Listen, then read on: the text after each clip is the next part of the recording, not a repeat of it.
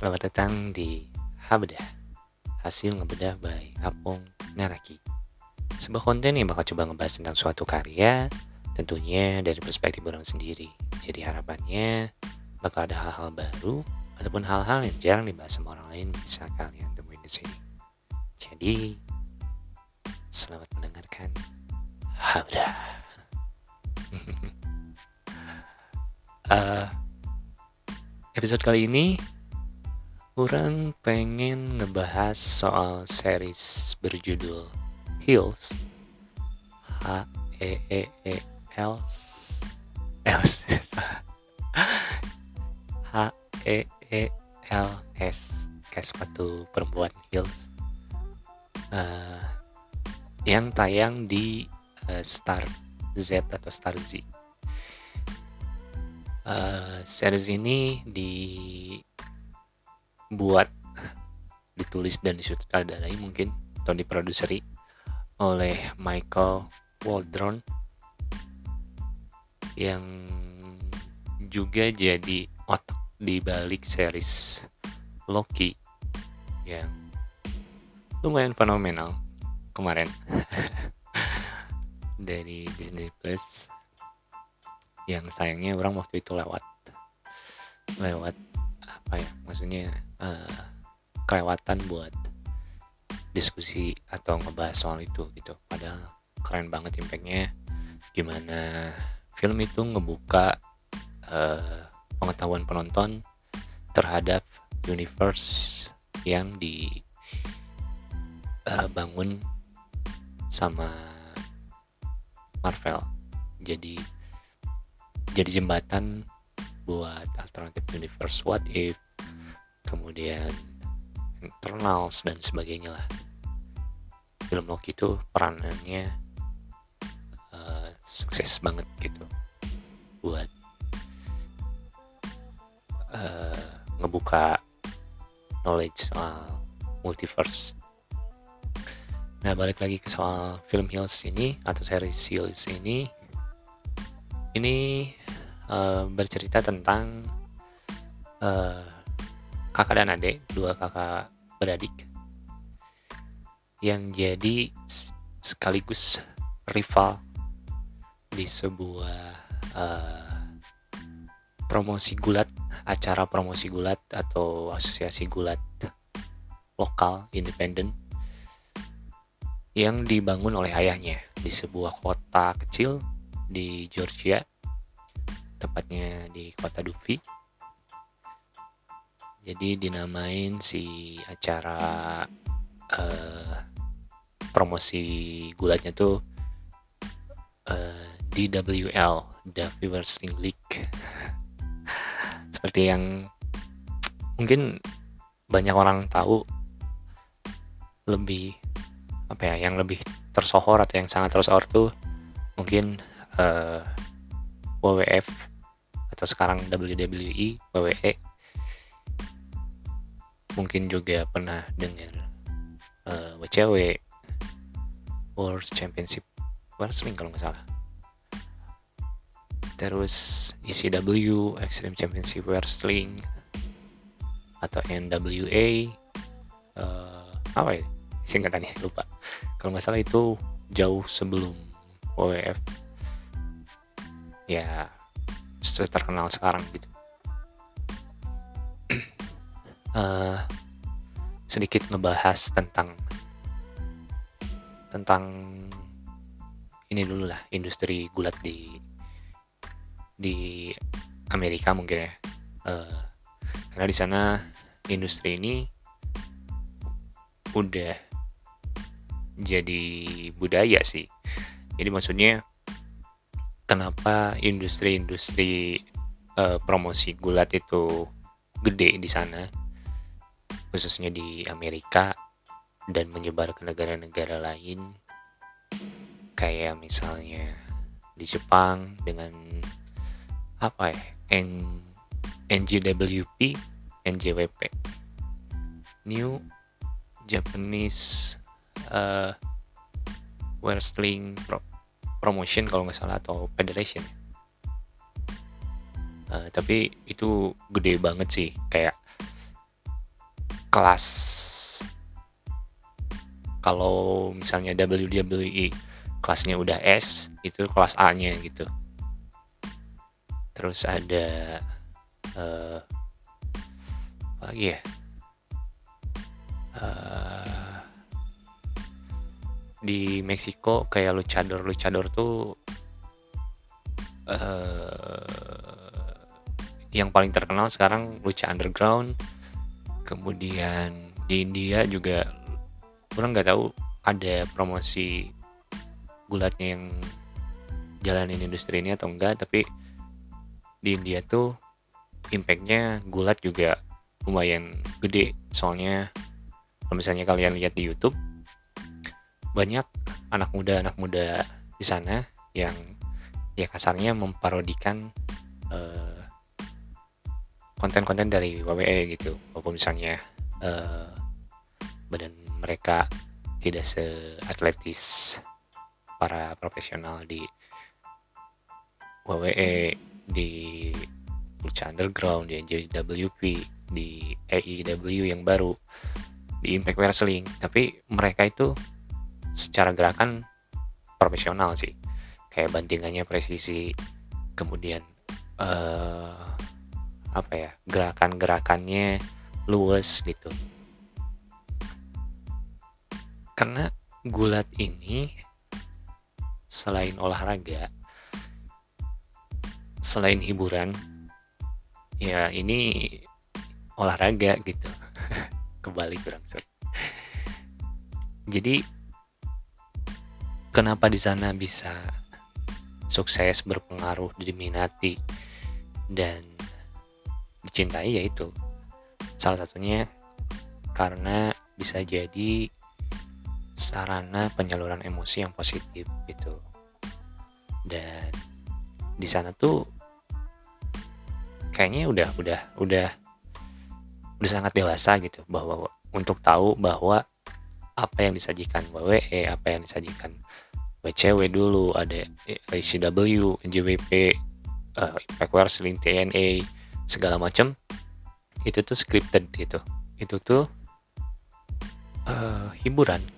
Hiburan yang disetting, pertarungan yang disetting, pertarungan yang ditentukan alur ceritanya, dia ditentukan siapa yang kena pukulan duluan, siapa yang nanti terakhir um, ngebanting, siapa yang mukul, siapa yang jadi juara, siapa yang kalah gitu. Sayangnya uh, mungkin sebagian di kita menganggap itu real kayak UFC kayak MMA gitu. Makanya ketika uh, di tahun 2010 dan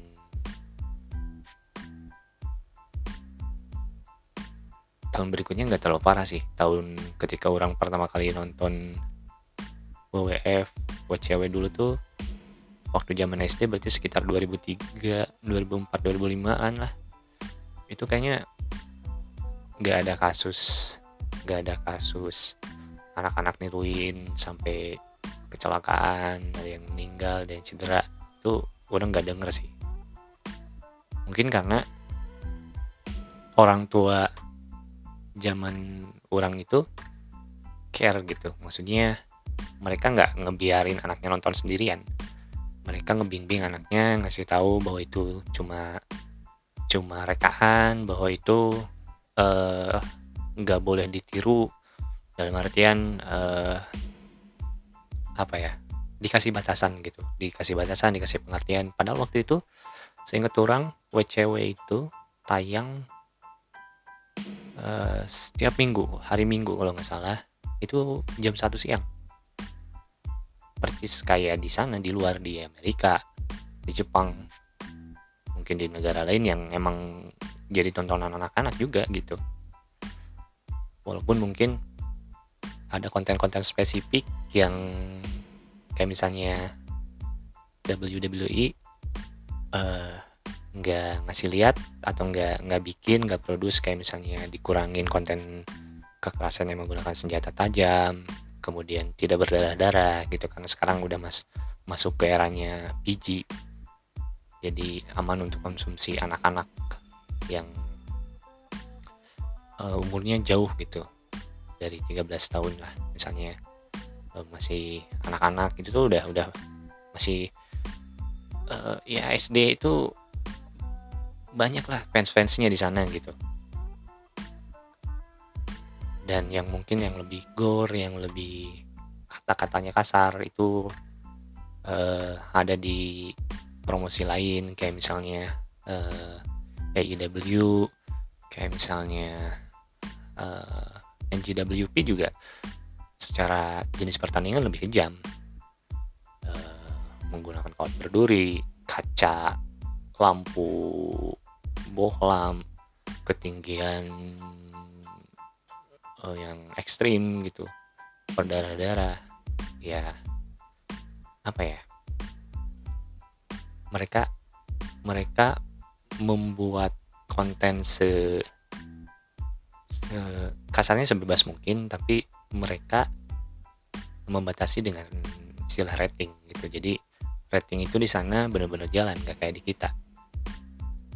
Uh, masih masih kurang lah literasinya uh, bahwa misalnya ada satu tontonan yang nonton siapa diperuntukannya untuk siapa yang nonton siapa kemudian untuk paham bahwa ini bahwa sebuah konten itu uh, kebanyakan adalah hasil rekaan kebanyakan hasil uh, apa ya segala sesuatunya direncanakan kemudian dibuat senyata mungkin tapi tidak berarti bahwa itu hal yang nyata gitu jadi ya di Indonesia mungkin gulat itu tidak jadi bagian budaya atau tidak dianggap positif gitu. Padahal kalau orang lihat di Amerika, kemudian di negara-negara lain eh, kayak di Inggris, Jepang, India, Meksiko, mungkin di belah dunia lain gitu yang punya kecintaan yang sama. Uh, si gulat ini bahkan uh, ada di tahap yang paling rendah gitu. Kayak kayak misalnya di kita di kampung-kampung atau di kota-kota kabupaten itu tuh ada ada sanggar sanggar gulat gitu. Kalau misalnya di kita sanggar senam sanggar apa pun sanggar apa ya, ya sanggar sanggar olahraga lainnya gitu. Di sana tuh ada ada ada sanggar untuk pelatihan gulat gitu. Yang pesertanya udah sangat dimulai dari dini banget kayak 12 tahun 13 tahun 7 tahun bahkan udah mulai-mulai ini gitu. Udah mulai bisa diarahkan ke sana. Karena nantinya uh, ada dua cabang gitu. Mau mau misalnya jadi pegulat resmi yang mewakili negara kayak di Olimpiade kemudian uh, apa lagi ya? Ya event-event olahraga internasional nasional segala macam gitu. Atau mau jadi artis atau, entertainer lah entertainer macam The Rock macam Triple H, Kane, uh, Hulk Hogan, Sting, Ric Flair segala macam atau yang sekarang misalnya Roman Reigns, kemudian Seth Rollins, uh, Chris Jericho, uh, siapa pun lah yang cewek misalnya uh, Lita, kemudian siapa ya? Uh, yang sekarang uh, Asuka yang dari Jepang pernah jadi juaranya pemegang sabuk uh, Women Champions kemudian uh, siapa lagi ya? Anaknya Ric Flair yang cewek Charlotte Flair kemudian uh, Becky, Lynch. Terus bahkan ada atlet MMA dulu.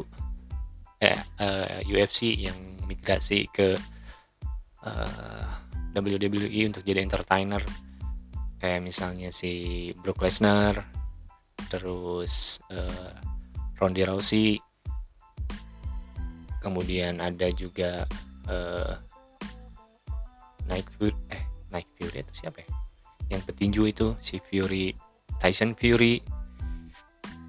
Jadi ya bener-bener apa ya industri yang gede gitu. Belum lagi dari penjualan industri uh, in, apa uh, merchandise. Kayak kaos action figure segala macem. Jadi bener-bener industri yang maju industri yang sangat profit dan jauh dari kata influence buruk lah. Jadi ya itu salah satu kenapa orang masih ngikutin gitu si soal gulat ini. Bahkan ketika sempat di band di Indonesia pas 2000 ya 10 atau pokoknya pas ada kejadian yang meninggal gara-gara uh, ngikutin Smackdown sama temen-temennya ya orang masih sempat ngikutin di YouTube di websitenya mereka gitu. Karena waktu itu sempet ditayangin gratis sih. Jadi kalau misalnya premiernya di sana hari Jumat hari Sabtunya ada full episodenya di di YouTube mereka gitu. Untuk acara rutin mingguannya kayak Raw Raw kemudian uh, Smackdown ya acara-acara rutinnya tiap minggu dikasih gratis kecuali kalau misalnya event-event kayak uh, pay per view WrestleMania kemudian SummerSlam. Kalau misalnya di promosi lain kayak uh, Casino Royale segala macam ya orang masih ngikutin gitu. Dan tanpa sengaja ya series ini muncul gitu si Hills ini. Uh, ini jadi film tentang dunia gulat kedua setelah The Westral oh Westral Westral ah apa ya? Westral Westral itulah. Wrestling Westral ya Westral berarti. Di tahun 2014an kalau nggak salah yang jadi sutradaranya Darren Aronofsky.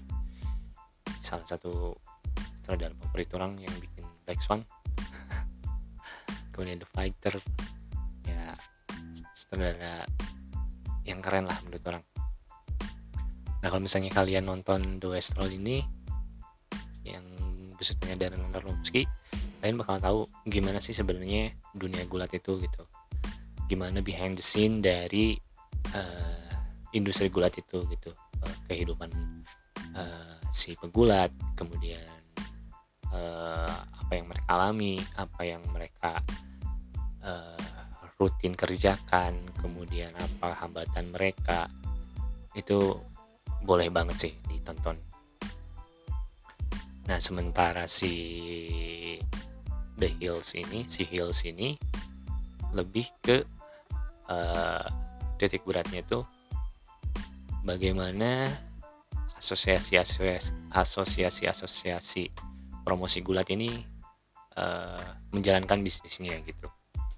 Jadi si kakak beradik ini Jake sama Spade ini diwarisi sebuah acara promosi gulat uh, di WL yang didirikan sama bapaknya. Nah uh, kalau misalnya kalian belum nonton enggak uh, silahkan mau nonton dulu silahkan mau misalkan terus lanjutin ini juga nggak apa-apa. Cuman takutnya mungkin uh, nggak sengaja orang spoiler atau gimana tapi uh, orang usahain enggak sih. Orang pengen ngebahas gimana impactnya terus apa yang orang rasain gitu.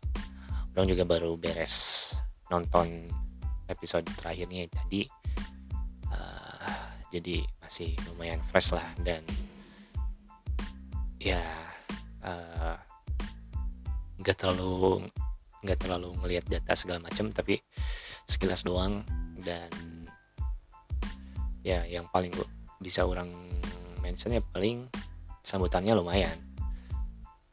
Uh, di MDB ratingnya 8 dari hampir 5000 yang vote di situ. Kemudian series ini lumayan baru karena baru dirilis bulan Agustus. Kalau nggak salah tanggal 15 atau 17 kalau orang lupa. Terus untuk bintangnya sendiri ada Stephen Amell yang jadi Green Arrows di series DC Arrows. Uh, terus ada cameo juga dari beberapa pegulat dalam petik asli dari para bintang-bintang WE dulu kayak misalnya Mick Foley, Asus Jack, main Mankind yang orang-orang itu ya yang pakai topeng terus uh, signature move-nya itu yang masukin sarung tangan ke mulut. Sama si Empang jadi ada dua dua bintang tamu lah. Orang bocorin sorry uh, terus apalagi ya? Uh, oh ya kenapa orang salut banget sama series ini ya? Uh, jadi ketika nonton film Hills ini orang ngerasa bahwa orang bisa memposisikan orang sebagai penonton dan juga sebagai konten kreator. Karena uh, film ini tuh apa ya? Karena fokusnya terhadap apa ya? Atau yang mereka pertahanin ini adalah uh, industri DW ini harus survive, harus bisa makin gede gitu. Jadi mereka tuh nunjukin gitu gimana uh, usaha mereka mm, untuk bikin pertunjukan, untuk membuat karakter, untuk menciptakan konflik. Di saat yang bersamaan, mereka juga menceritakan tentang kehidupan mereka gitu di dunia luar di dunia uh, apa ya kehidupan mereka sebagai eh bukan sebagai pegulat tapi sebagai sebagai manusia gitu sebagai orang yang hidup di masyarakat. Jadi ya bisa dua perspektif gitu. Dan apa ya? Karakter-karakter yang dimunculin perjalanan karakternya terutama ini tuh ngegambarin banget uh, gimana harusnya uh, karakter itu bisa uh, apa ya bisa dilihat oleh penonton sebagai baby face atau protagonis atau heels atau sebutan lainnya antagonis gitu. Jadi bagaimana penonton bisa percaya bahwa mereka ini protagonis, bahwa mereka ini antagonis? Perjalanan karakternya terus apa yang motivasi mereka? Apa uh, pemicu dari perubahan itu? Apa sikap awalnya? Apa posisi mereka? Ya diliatin gitu. Jadi kita bisa menikmati proses perubahan karakter si S misalnya. Dia kan di sini jadi karakter yang paling sering berubah. Dan kita bisa lihat kenapa si SP dari pertama kali dikenalkan sebagai siapa, kemudian berubah jadi siapa, sampai ke nanti ke akhir cerita jadi siapa. Itu benar-benar uh, apa ya? Pemicunya tuh diliatin entah itu dari dirinya sendiri, entah itu dari karakter lain, entah itu dari keraguannya sendiri, atau dari uh, obrolan orang lain. Jadi, kalau misalnya kalian sebagai konten kreator ingin ya, orang orang sendiri lah. Contohnya misalnya uh, masih bingung gitu terkadang kan kayak yang orang pernah bahas di episode kemarin uh, antara si karakter ini tuh biasanya orang sendiri tuh selalu selalu otomatis ngebikin si protagonis ini dalam kondisi ideal. Nah, sementara uh,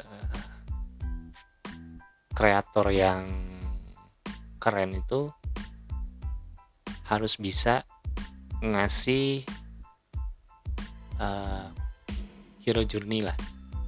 Perjalanan kenapa dia seperti itu gitu. Kalau misalnya kalian penonton anime kalian pasti tahu kenapa uh, uh, Naruto bisa jadi Hokage. Gimana perjuangannya apa yang harus dia lalui bagaimana dia tumbuh siapa aja mentornya siapa aja musuhnya siapa ketakutan uh, terbesarnya uh, apa yang paling dia peduliin gitu. Jadi bener-bener rumit gitu untuk ngebangun satu karakter dan ngemunculin karakter tuh nggak sembarangan. Di series ini ada karakter ya namanya uh, siapa ya? Orang lupa. Bill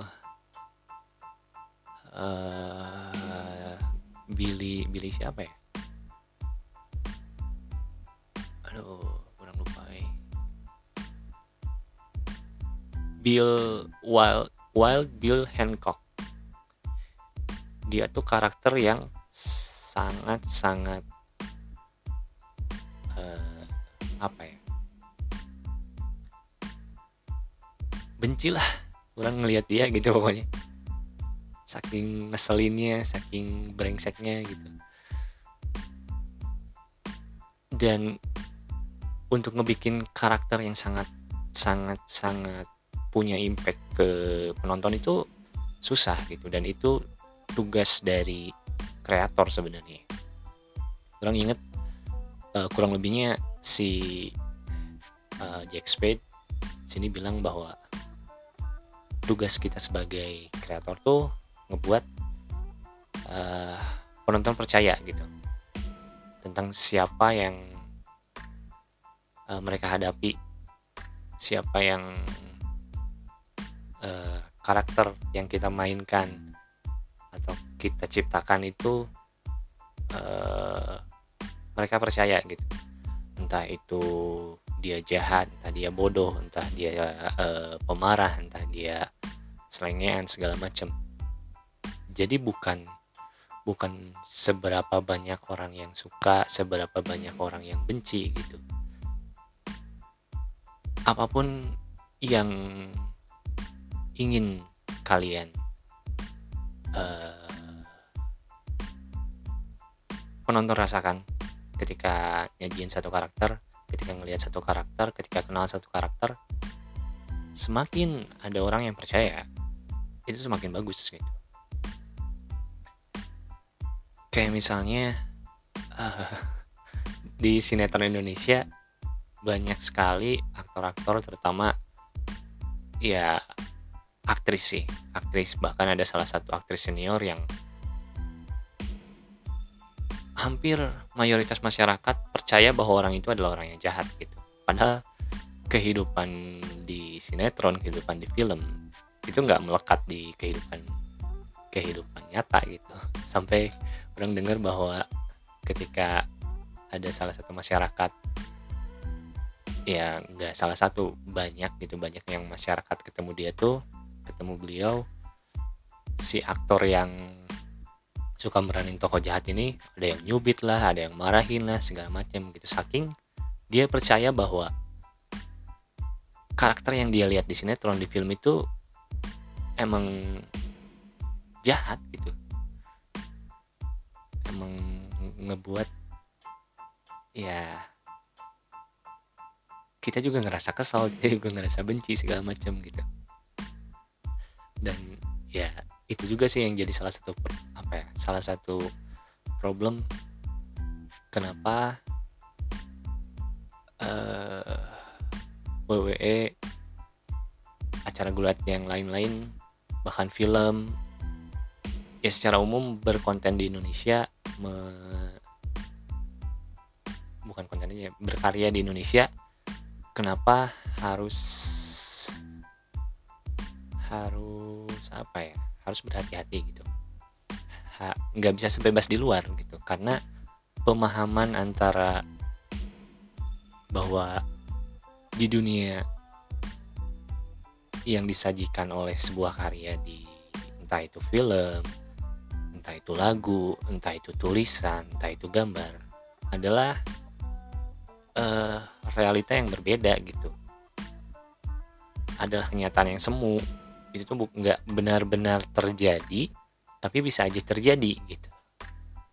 Karena diambil dari inspirasi kejadian nyata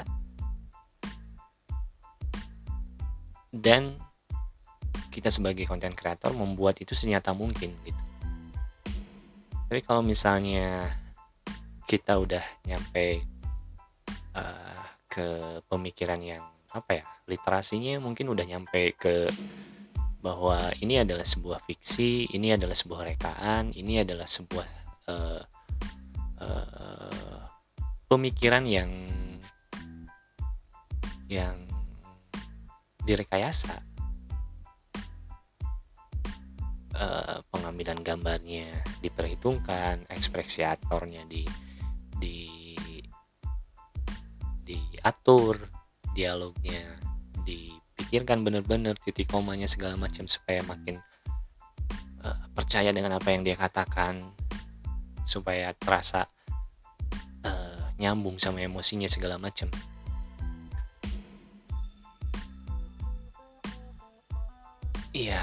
masih rada PR sih kalau soal itu gitu yang membedakan membedakan realita kenyataan lah antara dunia film dan dunia dunia nyata dunia kita hidup sekarang.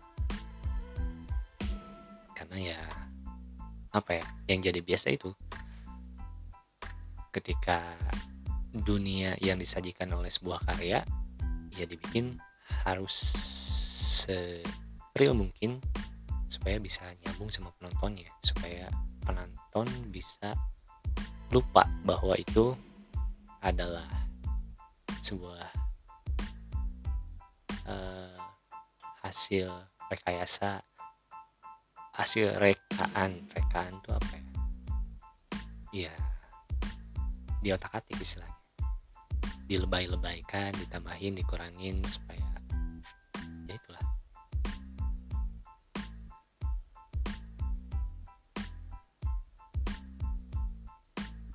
jadi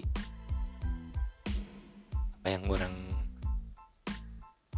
rasain ketika nonton film ini ketika ngelihat perjalanan si karakter tumbuh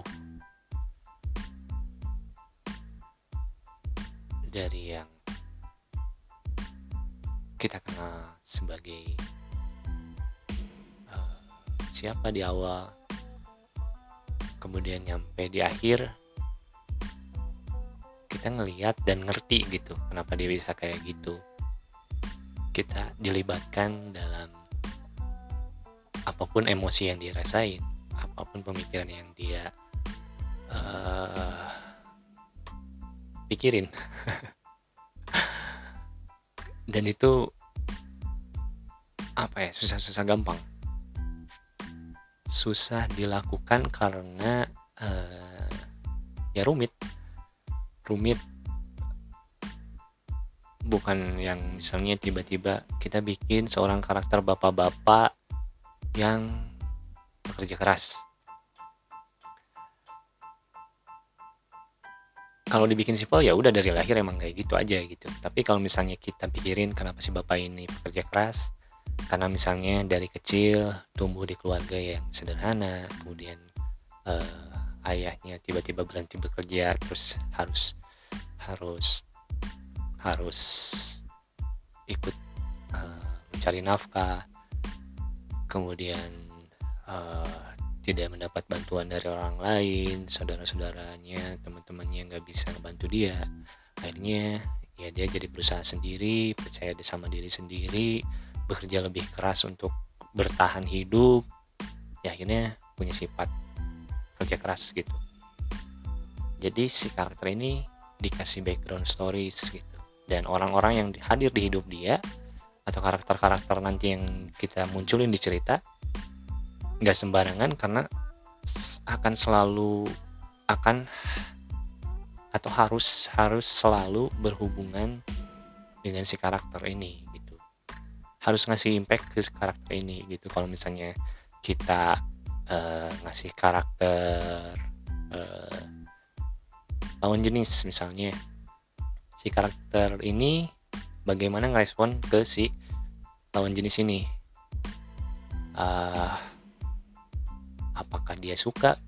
Apakah dia malah nggak suka karena misalnya terus ditempel terus di uh, cerewetin terus dimintain apa segala macam gitu. Dan itu bakal ngerubah sikap dia ketika bertemu uh, perempuan lain gitu.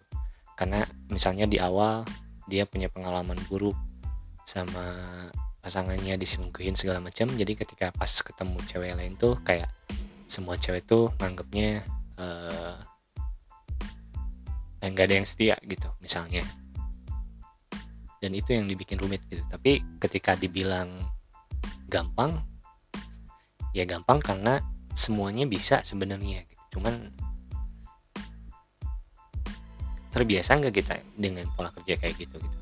Mau nggak kita bikin karakter tuh bener-bener uh, mau se-effort itu gitu? Tumbuh di lingkungan kayak apa uh, didikannya kayak gimana percaya akan hal apa takut sama hal apa? Karena ketakutan itu memicu uh, tindakan dari si karakter. Kayak misalnya uh, ada anak yang sama orang tuanya dituntut terus berprestasi segala macam akhirnya dididik secara keras segala macam akhirnya pas ketika tumbuh gede dia tuh takut sama kegagalan gitu. Takut ketika gagal tuh dia bakal kena punishment.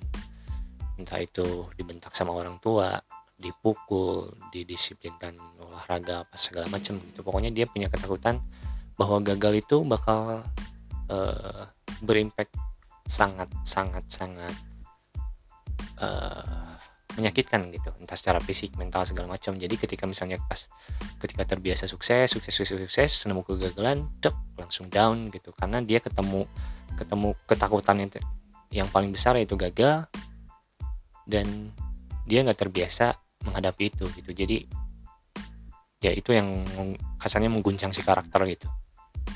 Dan dari situ tindakan dia pilihan langkah dia selanjutnya bakal uh, menentukan jadi siapa dia berikutnya gitu. itu kenapa fear itu penting. Uh, karakter punya ketakutan apa. Ya kalau misalnya apa ya kalian nonton series ini kayaknya bakal kegambar banget sih. Terlepas dari kalian suka atau enggaknya sama sama dunia gulat atau ceritanya. Tapi menurut orang film ini tuh lengkap. Jadi selain hal tadi yang utama soal gulat ada juga soal uh, hubungan adik kakak pertemanan percintaan hubungan orang tua uh, suami istri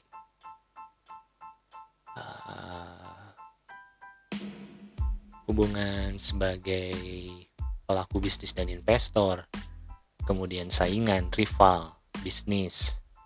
Pokoknya keren sih. Kalian harus nonton kalau menurut orang ya. Kalau menurut orang kalian ingin belajar, kalian observasi film ini bakal bakal apa ya? Nyajiin uh, hal-hal yang menurut orang fundamental gitu sebagai uh, kreator. Dan juga sebagai pelaku bisnis. Karena uh, di sini tuh kayak belajar bahwa untuk ngebuat suatu pertunjukan untuk ngebuat suatu produk yang dibutuhan yang dibutuhin itu apa aja sih? Modal enggak kerja keras pengorbanan apa uh, terus usahanya kayak gimana? Lumayan digambarin gitu. Dan satu hal lagi yang uh, apa ya yang orang bikin salut yaitu soal budaya. Ketika emang di sana gulat udah jadi budaya ya mereka bangga gitu untuk mempresent bahwa ini budaya kami kemudian ini cara kami melestarikannya ini kenapa kami sangat cinta dengan budaya ini.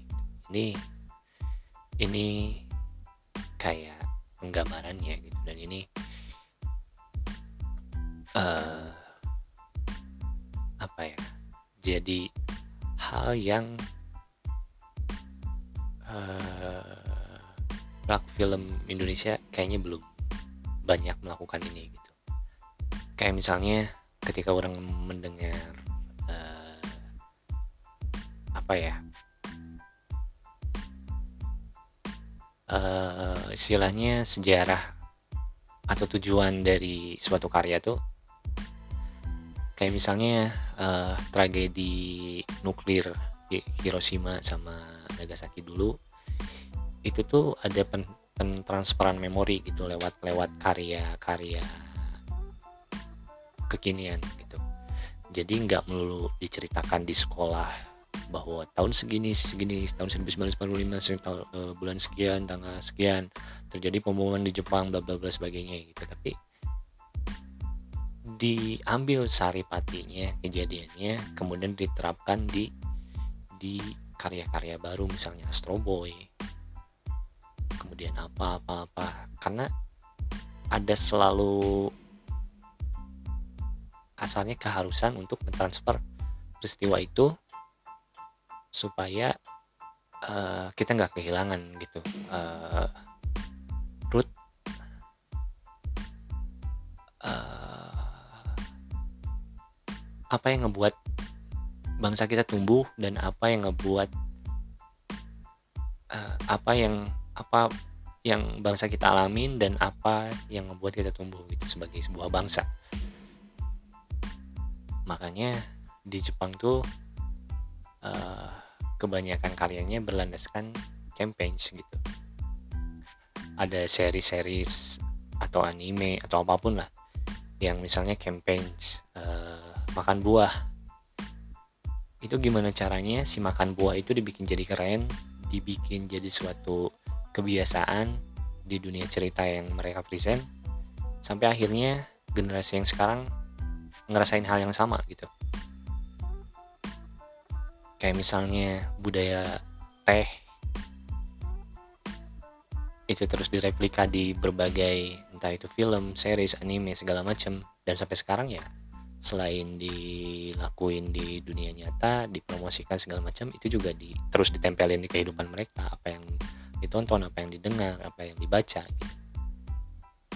Part-part itu dimasukin gitu. Sementara di kita ya orang ngerasa banyak budaya yang semakin dilupakan. Dan sayangnya orang lihat bahwa banyak dari kita yang ngerasa bahwa budaya Indonesia ini kuno budaya ini nggak keren. Jadi akhirnya ya banyak yang ninggalin gitu. Karena kita tuh kebanyakan diwarisi budaya itu tidak dengan esensinya. Kita nggak tahu esensi suatu budaya itu apa. Kita cuma apa ya cuma tahu bahwa itu adalah budaya gitu. Padahal penciptaan suatu produk budaya kan kayak misalnya kain, misalnya e, benda karikatur atau apa itu sebenarnya simbol aja, simbol dari e, nilai yang ingin dilestarikan gitu. Kayak misalnya batik, kenapa misalnya motifnya uh, apa ya awan misalnya mega mendung segala macam yaitu ada ada ada filosofinya ada nilai yang harusnya kita baca gitu. bisa jadi si simbol awan ini uh, reminder kita supaya supaya tetap memperhatikan langit kesemestaan penciptaan uh, sang pencipta kemudian apa yang diciptakan alam tapi kan kita nggak ngelihat ke ke intinya kayak gitu gitu. Kita cuma ngeliat oh ini Mega Mendung uh, dari Banten eh dari Jawa Barat. Orang lupa ininya dari mana ya? Mega Mendung itu Bandung apa Banten? Ya sesimpel itu gitu. Kalau dari dari mereka rootsnya diambil bentuknya kayak apa bisa jadi berubah bisa jadi enggak. Tapi nilainya tetap bisa mereka lestarikan dan karena terus ada pembaruan terus ada uh, apa ya kreasi untuk bisa menyampaikan itu dengan cara yang kekinian ya dari generasi yang paling lama sampai yang paling sekarang pun pasti bakal tetap cinta sama negara eh sama negara sama budayanya gitu. Karena mereka ngerti karena mereka ngerasa relevan dengan nilai yang terkandung sama budayanya gitu. Itu sih. Di sini juga ada rodeo. Walaupun nggak dibahas secara ini gitu. Tapi disempilin si acara rodeo ini. Gimana uh, ya itu udah jadi akar akar tradisi kali ya. Orang nggak ngerti sih rodeo itu kayak gimana cuman yang menarik adalah ketika di acara ini acara radio ini yang uh, dicerita ini skalanya nasional atau mungkin provinsi lah kalau di kita. Karena kan uh, di sana sistemnya uh, apa ya? State gitu. Jadi setiap kalau di kita mungkin provinsi atau kabupaten tuh jadi sebuah negara gitu. Nah yang bikin salutnya tuh uh, dibuka dengan menyanyikan lagu nasional. Dan itu tuh jadi tradisi yang sangat keren yang sangat-sangat mewah gitu. Karena jadi satu kebanggaan gitu. Ketika misalnya putra putri daerah putra putri uh, yang berprestasi yang ber berpotensi bertalenta segala macem lah dari daerah mana pun dari negara mana pun gitu ketika punya talenta. Menyanyikan lagu nasional dengan talenta yang mereka miliki dengan penjiwaan yang mereka kuasain emosi segala macam itu tuh bisa menyihir orang-orang yang mendengarkan mereka. Relate sama uh, apa ya nilai-nilai yang terkandung di si lagu nasional itu gitu. Orang aja yang orang luar gitu kan kasarnya. Nggak nggak nggak ngerti apa sih yang yang dinyanyiin sama sama si uh, uh, karakter ini nyanyikan. Maksudnya secara secara filosofis secara ideologi bernegara gitu. Sampai merinding beda ketika mohon maaf ya kayak misalnya kita nyanyiin lagu-lagu nasional kita tuh kayak ngerasa nggak nggak terikat secara emosi gitu. Karena ya flat aja gitu hambar. Di kita tuh ya orang belum pernah dengar atau belum pernah lihat ada putra-putra daerah putri-putri daerah terbaik yang punya talenta nyanyi kemudian dikasih kesempatan, dikasih kehormatan untuk tampil di acara-acara kenegaraan dan disuruh untuk menyanyikan yaitu lagu-lagu nasional. Misalnya bangun pemuda-pemudi lah, maju tagen, eh, maju tagentar, 17 Agustus segala macam. Bukan soal aransemen, bukan soal aransemennya, tapi lebih ke uh, penjiwaan dan nyampain esensi dari lagunya gitu. Bahkan ketika orang mendengar artis-artis yang udah profesional terjun di dunia tarik suara pun nggak nyampe sih susah. Belum ada yang bisa bikin uh, gila merinding gitu. Bikin bahwa lagu-lagu nasional itu keren sekaligus terikat secara emosi. Kalau misalnya uh, ya lagu-lagu lain sih udah bisa lah. Walaupun misalnya konteksnya cinta-cintaan atau apa gitu. Rasa frustrasi uh, itu kan kita suka relate tuh. Suka kayak ngerasa oh ini lagu lagu lagu orang banget misalnya. Ini kejadian segala macam. Tapi untuk lagu-lagu yang katanya nasionalis nasionalis. Yang kata-katanya apa ya yang harusnya yang harusnya itu mengikat kita secara jiwa nasionalis secara uh, histori kebangsaan segala macam. Orang pribadi ngerasa nggak relate gitu. Karena ya kayak nyanyinya tuh flat aja gitu nggak ada nggak ada penjiwaannya gitu. Sementara di sana tuh udah jadi budaya. Bahkan kayak di uh, acara ya rodeo itu kemudian NFL terus uh, upacara-upacara bukan upacara acara-acara kenegaraan gitu. Ada ada ya putra putri uh, eh, terbaik bangsa lah yang dikasih kesempatan untuk menyanyikan lagu nasional gitu. Dan itu jadi satu kebanggaan. Selain kebanggaan yaitu jadi semangat kebangsaan bersama lah. Gak cuma embel-embel doang gitu. Itu sih ngeri. Ya orang sih berharap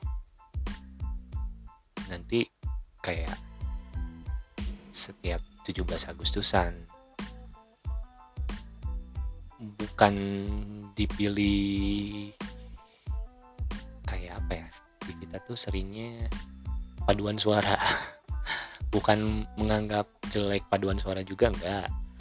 Cuman kita tuh perlu uh, sosok yang bisa uh, mengeluarkan esensi dari si lagu nasional ini gitu.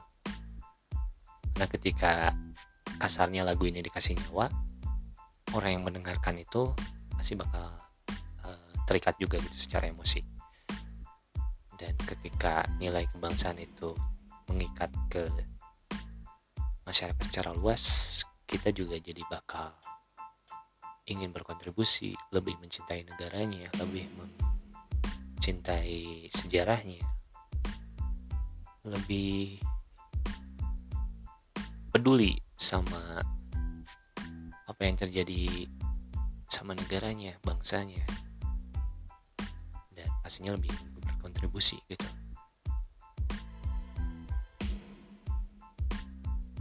Dan satu lagi ya soal budaya, ketika bangsa lain bisa ngambil esensi dari budaya mereka kemudian mengemasnya dengan bahasa universal kayak misalnya Squid Game kemarin dengan permainan-permainannya yang sekarang dimainkan hampir di seluruh dunia mungkin entah itu parodi entah itu konten tapi sampai ke sana gitu.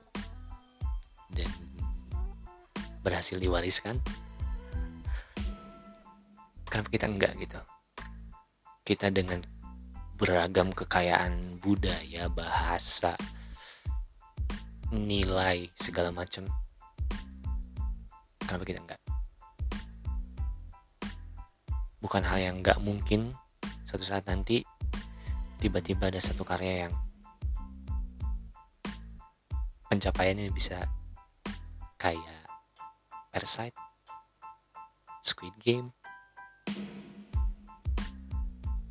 karena Indonesia sangat mampu talentanya. Sangat banyak yang berkualitas. Terbukti dari ya banyak udah mulai banyak film-film Indonesia yang diakui secara internasional. Dapat pengakuan internasional mulai dari The Raid kemudian uh, dulu cutnya Din uh, lewat jam malam yang kekinian Gundal Putra Petir atau ilmu hitam sebelum iblis menjemput uh, dendam harus dibayar seperti dendam rindu harus dibayar tuntas film Yuni film City film Turah apa pun udah banyak banget yang dapat pengakuan secara internasional film pendeknya karya Uregas kayak karya uh, siapa ya yang ada anak didiknya Miles. Kemudian film-film dokumenter. Uh, aktornya kayak Kang Yayan Ruhian. Kemudian Joe Taslim. Uh, Iko Uwais Cinta Laura. Banyak banget gitu. Belum lagi yang animator-animator yang terlibat di Disney, Pixar, uh, apa pun lah, udah banyak banyak banget talenta yang sangat-sangat kompeten dan sudah menunjukkan taringnya di dunia internasional tinggal mungkin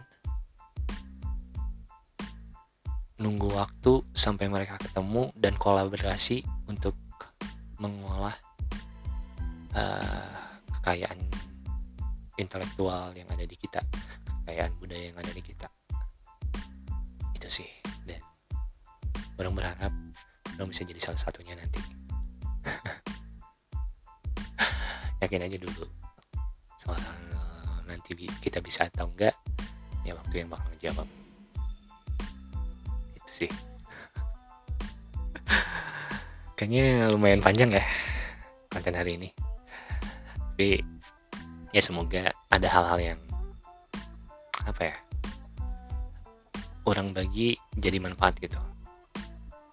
Uh, atau jadi kepikiran gitu jadi trigger ting ting ting ting. Asik. Paling gitu aja sih buat uh, episode kali ini. Terima kasih banyak. Terima kasih banyak. Terima kasih banyak atas effortnya yang luar biasa mendengarkan konten ini sampai akhir. Karena ya kalian juga tau lah orang ngocehnya kayak gimana. Selalu selalu selalu ngalorin ngidul. Dan orang masih belum terbiasa untuk nulis dulu poin-poinnya segala macam tapi lebih ke ya menuangkan apa yang dipikir apa yang ada di pikiran orang gitu. Jadi kadang-kadang bahasanya belibet salah-salah sebut segala macam ya itu kekurangan orang lah. Semoga kalian juga masih bisa menikmati konten ini masih bisa ngambil sesuatu dari sini dan kalau misalnya kalian mau ngasih saran mau ngasih dukungan mau ada yang dibahas kritikan atau apa uh, kontak orang di email seperti biasa apong.naraki@gmail.com a p h o n k narakinya biasa n a r a k i at gmail.com atau di Instagram apong underscore naraki. Uh, mudah-mudahan orang bisa lebih rutin tapi nggak mau maksain juga karena takutnya malah nggak pure gitu. Maksudnya nggak pure tuh uh, jadi bias gitu karena nontonnya orang kepikiran segala macam akhirnya orang nggak bisa ngambil esensi apa pun gitu. Tapi ketika orang bisa enjoy sama karyanya ya mudah-mudahan ada esensi yang orang rasain dan bisa orang bagi gitu. itu sih tujuannya habis ini enaknya bahas apa ya? Lah. Terima kasih banyak. Sekali lagi orang kampung lagi pamit. Sampai jumpa di episode berikutnya. Abado.